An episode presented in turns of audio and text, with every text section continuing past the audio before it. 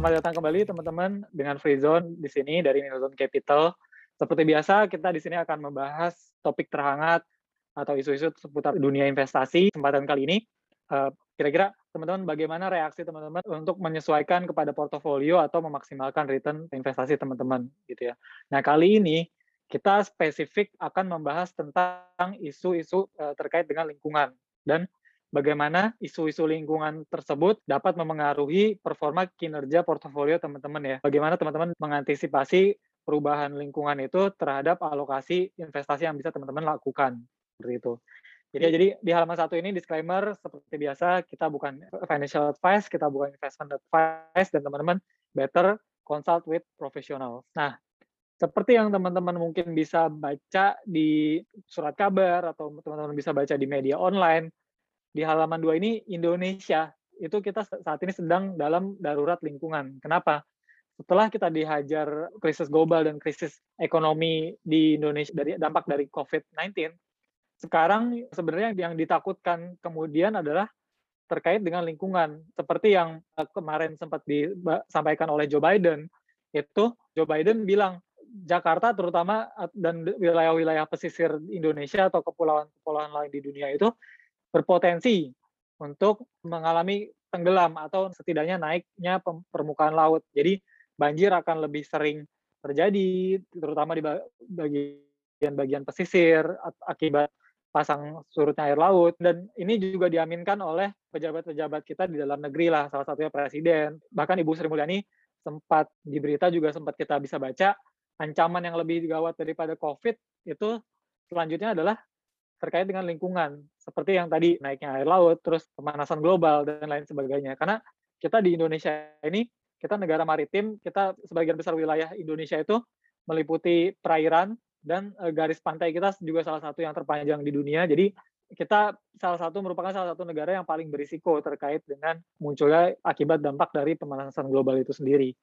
Lalu dampaknya ke bisnis itu walaupun mungkin kita belum melihat secara langsung, tapi secara tidak langsung itu sudah terdampak. Salah satunya mungkin kita pernah dengar juga Tesla lebih pilih nikel dari Australia, padahal Indonesia itu merupakan salah satu negara dengan cadangan nikel terbesar di dunia dan berpotensi untuk menjadi pemain dominan dalam supply uh, nikel untuk khususnya transformasi kita dari mobil biasa menjadi mobil listrik seperti itu. Nah, tapi uh, untuk saat ini mungkin Tesla sendiri lebih memilih Australia karena mungkin menurut beberapa pengamat, menurut beberapa ahli lingkungan itu terlebih dikarenakan karena isu-isu keberlanjutan. Salah satunya mungkin investasi terkait dengan keberlanjutan atau good practice dari pertambangan itu mungkin kita belum terlalu optimal lah sehingga dinilai oleh kalangan luar belum layak untuk menjadi supplier mereka karena di luar negeri mungkin isu keberlanjutan isu ESG atau environmental social governance ini sangat-sangat dominan dalam pemilih investasi mereka seperti itu. Jadi kalau ada isu-isu negatif terkait dengan supplier atau terkait dengan relasi bisnis antara perusahaan global dengan supplier di tanah air, nah perusahaan di global level global itu mereka bisa memilih untuk menghentikan relasi bisnisnya terhadap perusahaan-perusahaan di tanah air. Mungkin teman-teman juga pernah kemarin sempat baca beberapa grup besar atau uh, salah satu grup besar di tanah air mengalami pemutusan kontrak bisnis dengan salah satu pemain global besar terkait dengan exposure bisnis mereka di bidang khususnya di bidang plantation seperti itu. Nah, di halaman tiga ini kita membuktikan nih ekonomi Indonesia ini masih bergantung pada komunitas pertambangan atau ekstraksi kalau atau bahasanya mungkin di di APBN itu ekstraksi sumber daya alam gitu ya. Jadi APBN 2021 ini atau pemasukan belanja negara ini ditargetkan 1.743,6 triliun rupiah dalam satu tahun. Nah, ini tumbuh 2,6 persen dan salah satunya penyumbangnya itu adalah komponennya PNBP atau penerimaan negara bukan pajak. Nah, di komponen PNBP yang jumlahnya 298 triliun ini, kita breakdown lagi. Salah satunya adalah PNBP SDA atau sumber daya alam. Jadi, PNBP SDA dari migas mengikuti pergerakan harga dan lifting minyak dan gas bumi. Terus sementara PNBP SDA non migas terutama akan dipengaruhi harga dan produksi batu bara. Jadi di sini kata kuncinya minyak dan gas bumi lalu batu bara ya. Jadi ini penerimaan negara yang yang di luar dari pajak korporat terkait dengan aktivitas ekstraksi sumber daya alam. Mungkin di sini salah satunya royalti dari pertambangan, eh, perizinan dan lain sebagainya.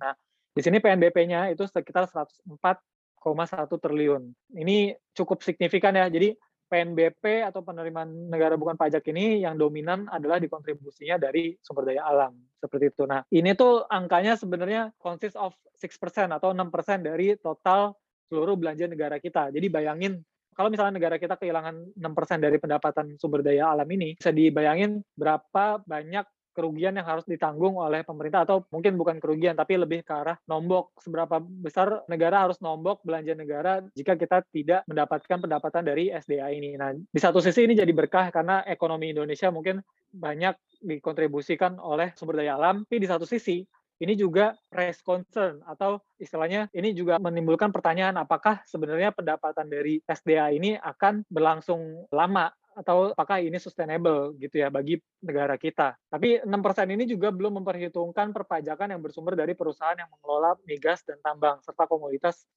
salah satunya contoh produk turunan kelapa sawit. Jadi ini di luar dari pendapatan korporatnya ya atau dari pajak penghasilan dari karyawan-karyawan yang punya exposure dari perusahaan yang exposure terhadap SDA ini. Jadi salah satunya mungkin outsourcing karyawan, mungkin karyawannya secara langsung. Nah, itu belum memperhitungkan juga. Jadi mungkin give or take mungkin sekitar 10% pendapatan negara kita mungkin terka terkait dengan sumber daya alam, 6% secara langsung dan mungkin sisanya secara tidak langsung melalui pendapatan-pendapatan dari pajak yang lain gitu. Nah, tapi walaupun 6% ini terkesan banyak ya, teman-teman, kita lihat nih di halaman 4 ini, kontribusi SDA terhadap ekonomi ini tidak sesignifikan di tahun 2014. Jadi di tahun 2014 puncak-puncaknya ekonomi kita itu sangat-sangat di drive atau dikendalikan oleh sumber daya alam. Pendapatan pajak dari PNBP SDA ini sebanyak 241 triliun, teman-teman. Jadi jumlah itu kemudian lumayan tertekan, lumayan tertekan uh, sampai dengan tahun 2016 itu kita mengalami pengurangan yang sangat signifikan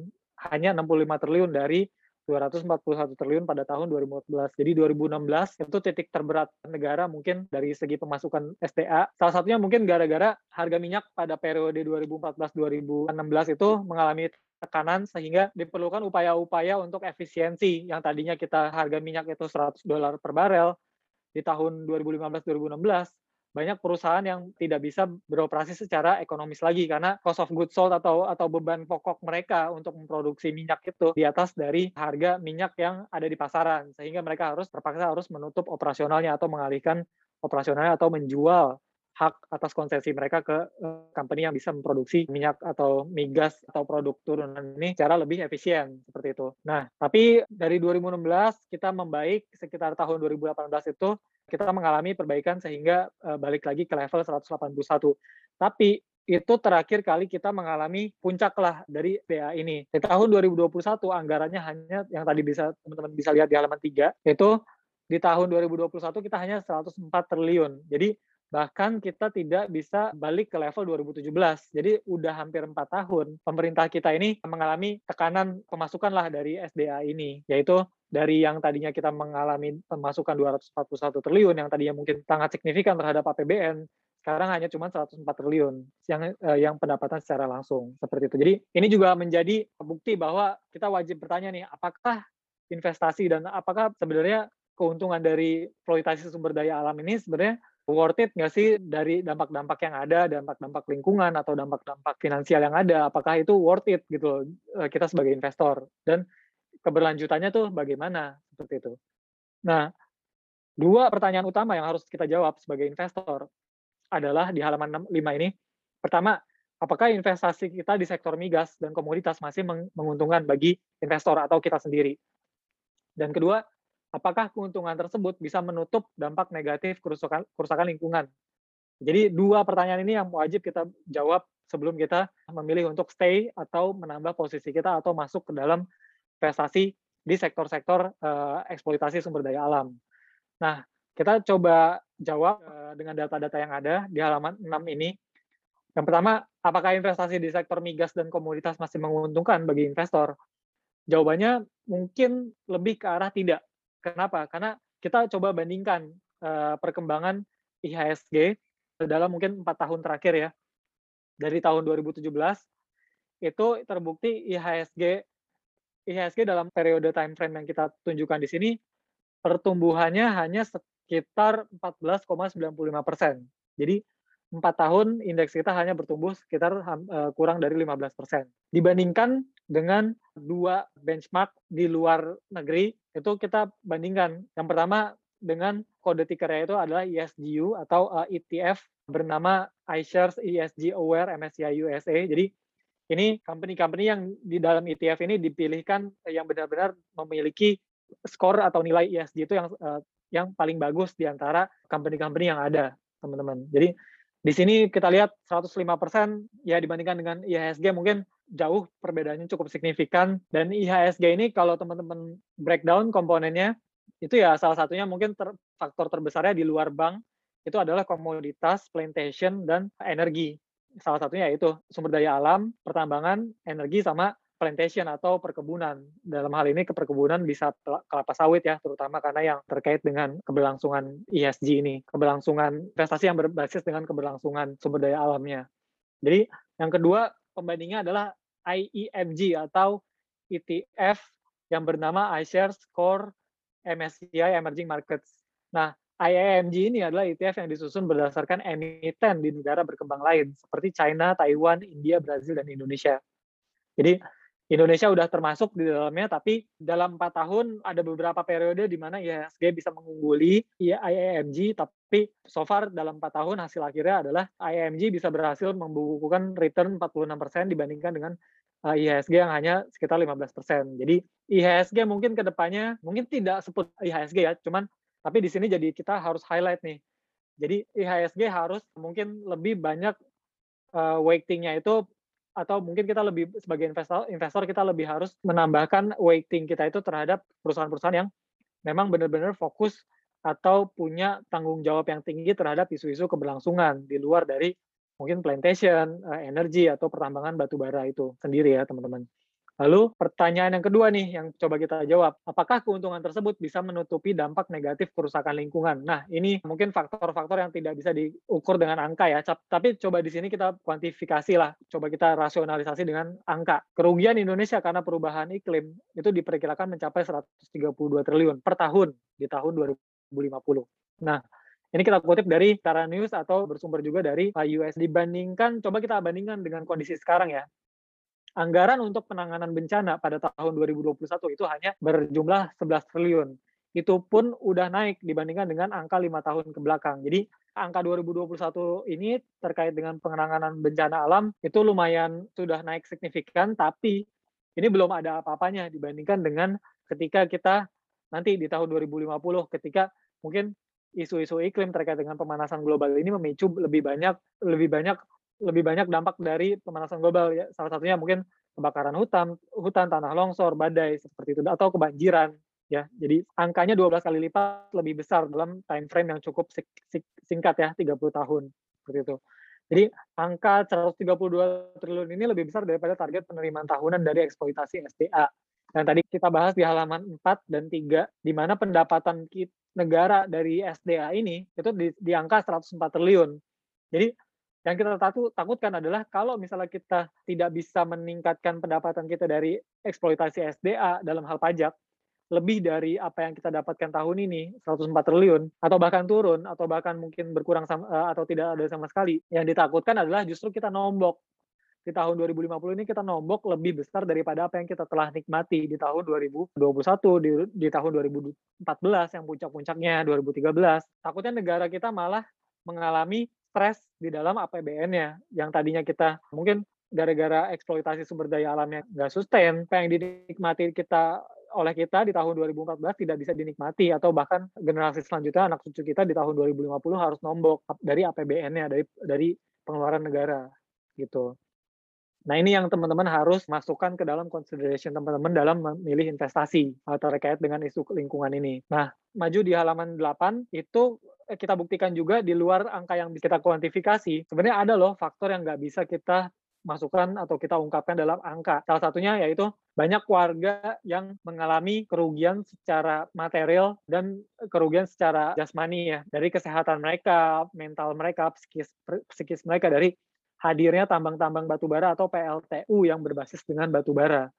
Jadi karena batu bara ini mungkin mayoritas karena Indonesia ini berbentuk kepulauan, jadi transportasi yang paling reliable itu untuk mengangkut batu bara, untuk mengakomodasi konsumsi batu bara untuk pembangkit listrik, itu harus menggunakan transportasi via laut. Buruknya adalah jika perusahaan transportasi yang mengangkut batu bara itu tidak responsibel, tidak melakukan upaya-upaya yang, yang cukup, kejadiannya adalah batu bara itu bisa tumpah ke lautan dan bisa terbawa ke pesisir.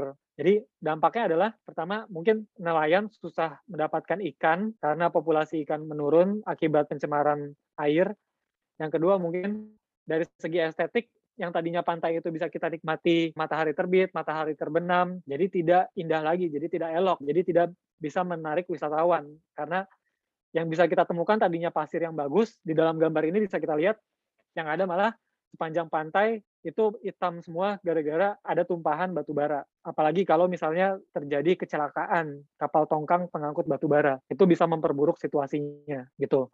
Yang kedua, jika tidak ada upaya-upaya atau ada minimal ada kecelakaan kerja yang terkait dengan pipa bocor atau pengangkutan minyak, itu yang terjadi adalah pencemaran di level di wilayah perairan. Seperti yang batu bara itu, mungkin batu bara masih lumayan lebih baik karena batu bara bisa diangkut, bisa disaring, dan dengan berjalannya waktu mungkin perairan yang terdampak bisa kembali seperti semula dengan ombak dan recycle dari air laut itu sendiri.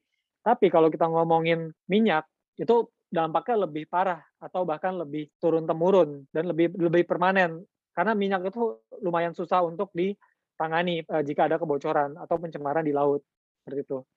Nah, di halaman 9 ini ini terkait dengan tadi uh, isu lingkungan yang terkait dengan kesehatan. Jadi warga banyak yang mengalami sesak napas akibat debu debu batu bara di salah satu wilayah lah di Indonesia. Nah ini juga yang tidak bisa kita pungkiri memilih untuk investasi batu bara atau investasi di PLTU dampak terhadap warga atau dampak sekundernya adalah ya teman-teman akan semakin banyak membaca berita-berita yang seputar dengan kesehatan warga ini gitu. Jadi mungkin kita sebagai investor kita hanya melihat angka, kita melihat balance sheet, kita melihat income statement, kita melihat cash flow, kita terima dividennya. Tapi di luar sana sebenarnya ada loh orang-orang yang tidak bisa menikmati secara langsung dalam bentuk ekonomi ya. Dan mereka justru malah mengalami kerugian walaupun mereka mungkin diberikan kompensasi dan lain sebagainya tapi mungkin dalam jangka panjang itu akan mempengaruhi kesehatan psikis dan mental mereka dalam dalam jangka panjang gitu. Dan spesifik terhadap perkebunan plantation ya atau mungkin batu bara yang atau eksploitasi sumber daya alam yang perlu penebangan hutan itu ada dampak negatif yaitu satwa liar itu bisa punah. Salah satunya di sini kita kutip dari National Geographic akibat penebangan dan perburuan 100 ribu orang hutan Kalimantan itu punah teman-teman. Jadi apakah ini worth it dari investasi kita terhadap eksploitasi sumber daya alam? Nah ini teman-teman sendiri yang bisa menjawab. Fokus ke dalam valuasi dan performa keuangan di halaman 10 ini. Jadi di halaman 10 ini valuasi perusahaan komoditi saat ini ditopang oleh penurunan bunga jadi yang teman-teman bisa lihat di sini adalah terutama di cost of debt financing ya. Jadi mungkin kan kalau di suatu perusahaan itu kan bisa operasi atau bisa membiayai capital expenditure-nya atau bi bisa, membiayai belanja modalnya itu salah satunya dari dana yang bersumber dari investor, dari teman-teman sendiri atau dari perbankan atau dari obligasi atau dari surat utang dan lain sebagainya. Nah, surat utang atau utang dari perbankan itu tentunya akan ada charge atau bunga yang dibebankan kepada masing-masing atau dari dari perusahaan yang meminjam tersebut. Nah, berita bagusnya adalah dari tahun 2015 sampai tahun 2020, perusahaan komoditas itu mengalami penurunan dalam hal cost of debt financing. Mungkin banyak faktor yang nanti juga kita bahas setelah ini. Intinya apa? Perusahaan yang terkait dengan eksploitasi SDA ini mengalami penurunan dalam hal cost of debt financing, tentunya akan meningkatkan performa keuangannya atau ya paling tidak meningkatkan dividen yang seharusnya teman-teman bisa terima gitu ya. Atau net income dari masing-masing company tersebut. Harusnya seperti itu. Tapi kita lihat nih, di interest coverage ratio, nggak semua company yang mengalami penurunan dalam cost of debt financing itu mengalami perbaikan dalam interest coverage atau berapa banyak utang yang bisa mereka tambah dengan laba operasional yang ada sebelum laba operasional sebelum beban bunga yang ada seperti itu. Atau mungkin kita bilangnya EBIT, earnings before interest and taxes. Dan interest chart of revenue atau beban bunga terhadap revenue itu banyak yang justru malah mengalami peningkatan. Jadi di sini teman-teman, jadi yang bisa kita simpulkan dari interest charge of revenue yang di mana eh, justru banyak company yang mengalami kenaikan dalam interest charge-nya itu mungkin mereka mengalami penurunan atau mengalami stres dari revenue source mereka sehingga justru beban beban bunga mereka walaupun cost of debt-nya itu turun justru malah meningkat seperti itu. Jadi di sini banyak company yang tidak sejalan dengan teori yang seharusnya terjadi gitu ya. Nah, fokus terhadap cost of debt financing ini kita coba cocokkan dengan fakta yang ada di lapangan di halaman 11 ini. Jadi justru penurunan bunga yang terjadi di tahun 2015 ke tahun 2020 yang mayoritas mengalami penurunan cost of debt financing, justru penurunan mereka itu nggak terjadi di, da di dalam industri mereka sendiri. Jadi uh, penurunan bunga itu terjadi secara global, teman-teman tidak hanya di dalam eh, industri komoditas atau pertambangan atau energi. Jadi di sini mungkin kita bisa lihat di halaman 11 itu di tahun 2015 itu cost of debt atau uh, treasury yield yang kita hitung berdasarkan treasury yield atau dalam hal ini pengertian dari treasury yield government Indonesia itu adalah berapa besar pemerintah Indonesia itu yang harus bayarkan terhadap utang mereka itu 9,8 persen. Tapi di tahun 2021 itu angkanya jauh-jauh signifikan di bawah dari tahun 2015 yaitu angkanya di, di, di angka 6,3 persen. Jadi nggak cuma ada di komoditas aja, perbaikan dalam cost of debt ini tidak terjadi hanya di perusahaan komoditas saja, tapi juga di, dialami oleh negara kita. Jadi tahun 2015 itu pemerintah kita harus membayar sekitar 9,6 persen per tahun dari utang-utang yang mereka dapatkan. Nah, di tahun 2021 jumlahnya turun signifikan ke, ke angka 6,3 persen. Jadi bisa teman-teman simpulkan bahwa penurunan bunga beban bunga itu tidak terjadi hanya di perusahaan komoditas atau pertambangan atau energi saja atau plantation, tapi ini terjadi di satu negara, bahkan negara kita sendiri mengalami perbaikan dalam hal beban beban bunga yang harus mereka tanggung dan mungkin juga di sektor-sektor lainnya seperti perbankan, eh, FMCG atau eh, sektor jasa seperti itu. Nah, jadi ini nggak eksklusif ya teman-teman. Jadi mungkin balik lagi ke hipotesis kita yang sebelumnya di, di halaman 10. Jadi valuasi komoditas itu saat ini memang ditopang oleh beban bunga atau beban cost of debt financing yang rendah. Tapi ke depannya apakah ini sustain? Apakah ini akan terus menerus berlanjut? Nah, jawabannya itu ada di halaman 12 ini. Yaitu bank-bank terbesar di dunia itu telah berkomitmen mengurangi exposure mereka di komoditas atau perusahaan-perusahaan yang punya operasional uh, signifikan di pertambangan atau di eksploitasi sumber daya alam. Nah, salah satunya di sini mungkin disebutkan di berita itu ada UBS, ada Wall Street Journal, ada Coal Projects di Asia itu mengalami tekanan ketika mereka eh, bank-bank itu mulai menutup opsi pendanaan, maka mereka mengalami tekanan. Jadi gini, cara teman-teman melihatnya itu adalah ketika bank-bank besar yang lebih sehat, yang udah paling sehat di dunia ini menutup opsi pendanaan mereka atau mengurangi exposure mereka terhadap perusahaan eksploitasi sumber daya alam, yang terjadi adalah perusahaan yang mengeksploitasi sumber daya alam ini cenderung akan mengalami opsi yang lebih terbatas atau mengalami penurunan supply dari pendanaan. Nah, penurunan supply pendanaan itu akan uh, ujung-ujungnya akan meningkatkan cost of debt financing mereka secara teori. Jadi ketika cost of debt financing mereka kembali lagi ke level 2015 atau bahkan lebih tinggi, yang mungkin kita juga nggak tahu kapan uh, terjadi. Nah, ketika itulah mungkin valuasi-valuasi terhadap perusahaan-perusahaan komoditas ini mungkin akan mengalami tantangan. Jika tidak ada penurunan, ya mungkin atau sama aja atau paling bagus naik tapi tidak sesignifikan industri-industri yang di luar dari sumber daya alam ini gitu. Nah, ketika kenaikan cost of debt financing itu terjadi dan ketika kita tahu bahwa di halaman 10 tadi bahwa banyak company yang mengalami penurunan revenue atau mengalami gangguan terhadap cash flow-nya mereka. Nah, di saat itulah mungkin ujian yang terberat itu terjadi bagi perusahaan-perusahaan komoditas itu ya teman-teman. Jadi ya hal tersebut memaksa perusahaan itu untuk mencari alternatif pendanaan di luar bank yang mungkin meminta bunga pinjaman itu yang lebih tinggi atau jauh signifikan lebih tinggi sehingga ujung-ujungnya adalah bottom line mengganggu performa keuangan perusahaan perusahaan dan menurunkan nilai perusahaan itu sendiri. Jadi teman-teman mungkin di sini bisa simpulkan walaupun secara teori itu akan ada pressure mungkin tapi ya kenyataannya mungkin bisa berbeda who knows tapi ya teman-teman bisa simpulkan sendiri dan teman-teman bisa antisipasi sendiri terkait dengan investasi yang teman-teman lakukan. Nah di tahun 2013 ini. Jadi kan tadi kita bilang kembali lagi di awal-awal kita bilang bahwa ekonomi kita bergantung dengan sumber daya alam. Salah satunya eksploitasi sumber daya alam yang dibuktikan dibuktikan dengan penerimaan pajak kita dominan loh dari SDA ini.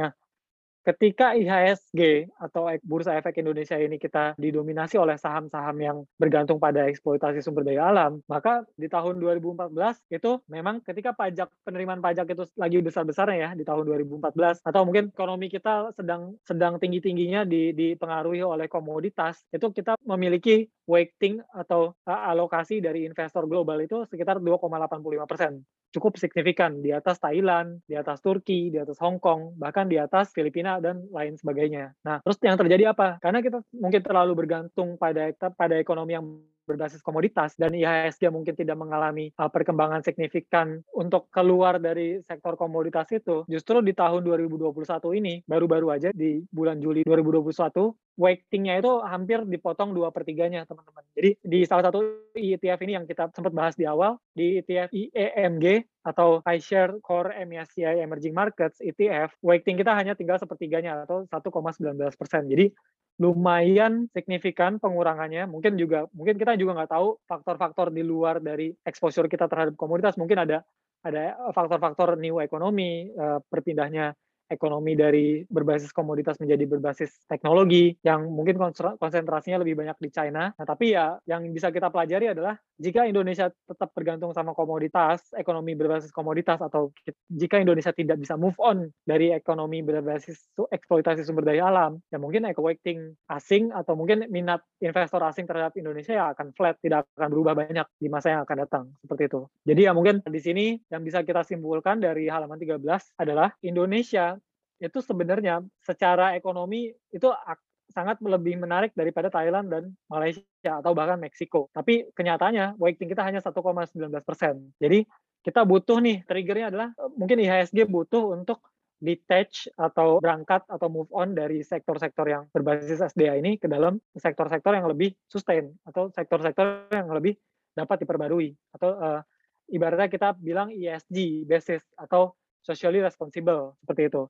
Nah, kita lihat nih di 2000 di Indonesia ini mungkin teman-teman bisa berangkat dari produk-produk ESG turunan dari Serikahati. Jadi di Indonesia ini kita ada produk namanya beberapa mutual fund atau reksadana yang berbasis indeks Serikahati. Jadi Indeks Rikahati ini adalah indeks yang memperhitungkan, yang bisa kita kutip dari publikasi mereka, mereka memperhitungkan environment, social, dan governance. Faktor-faktor tersebut dalam memilih company mana yang harus mereka alokasikan dalam investasinya. Jadi, kalau company-company yang terbukti memiliki, company-company yang terbukti memiliki exposure di eksploitasi sumber daya alam, atau atau mungkin banyak melanggar atau banyak isu-isu, banyak banyak banyak terkait dengan isu-isu yang terkait dengan sosial atau corporate governance-nya kurang bagus, itu mungkin tidak bisa dikategorikan, tidak dapat dimasukkan ke dalam indeks Sri Kahati ini. Jadi Sri Kahati ini memperhitungkan faktor-faktor yang tadi teman-teman ESG, environmental, social, dan governance.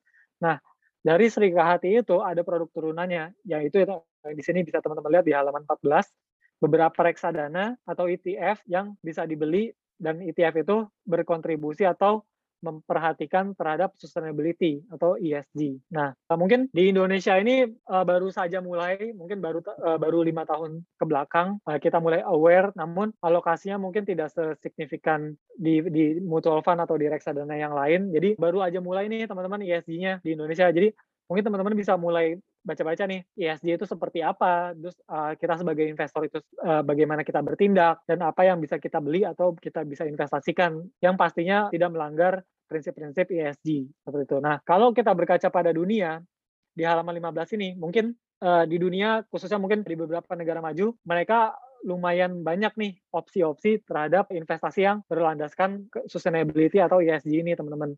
Jadi yang pertama mungkin yang berbasis environment itu ada salah satunya Invesco MSCI Sustainable Future ETF atau kodenya EARTH. Ada juga yang mungkin fokus terhadap solar ETF atau dalam hal ini kodenya TAN. Ini solar ETF ini fokus terhadap company-company yang punya exposure atau punya bisnis yang sustainable energy, uh, baik itu windmill atau pembangkit listrik tenaga angin, pembangkit listrik tenaga surya, pembangkit listrik tenaga, tenaga nuklir dan lain sebagainya. Lalu ada juga yang fokus terhadap timber and forestry atau uh, kehutanan ada juga yang fokus terhadap water atau air Jadi mungkin di dalamnya itu termasuk perusahaan-perusahaan pengelolaan limbah, perusahaan-perusahaan penyedia air bersih dan lain sebagainya. Ada yang juga fokus di sosial yaitu di education atau pendidikan, ada yang global impact secara general yang punya social impact yang tinggi atau signifikan. Ada yang fokus juga terhadap governance, ada yang eh, gender diversity. Jadi di ETF yang kodenya SHE atau namanya itu SSGA Gender Diversity Index ETF ini memperhitungkan berapa banyak dari board of director mereka yang memiliki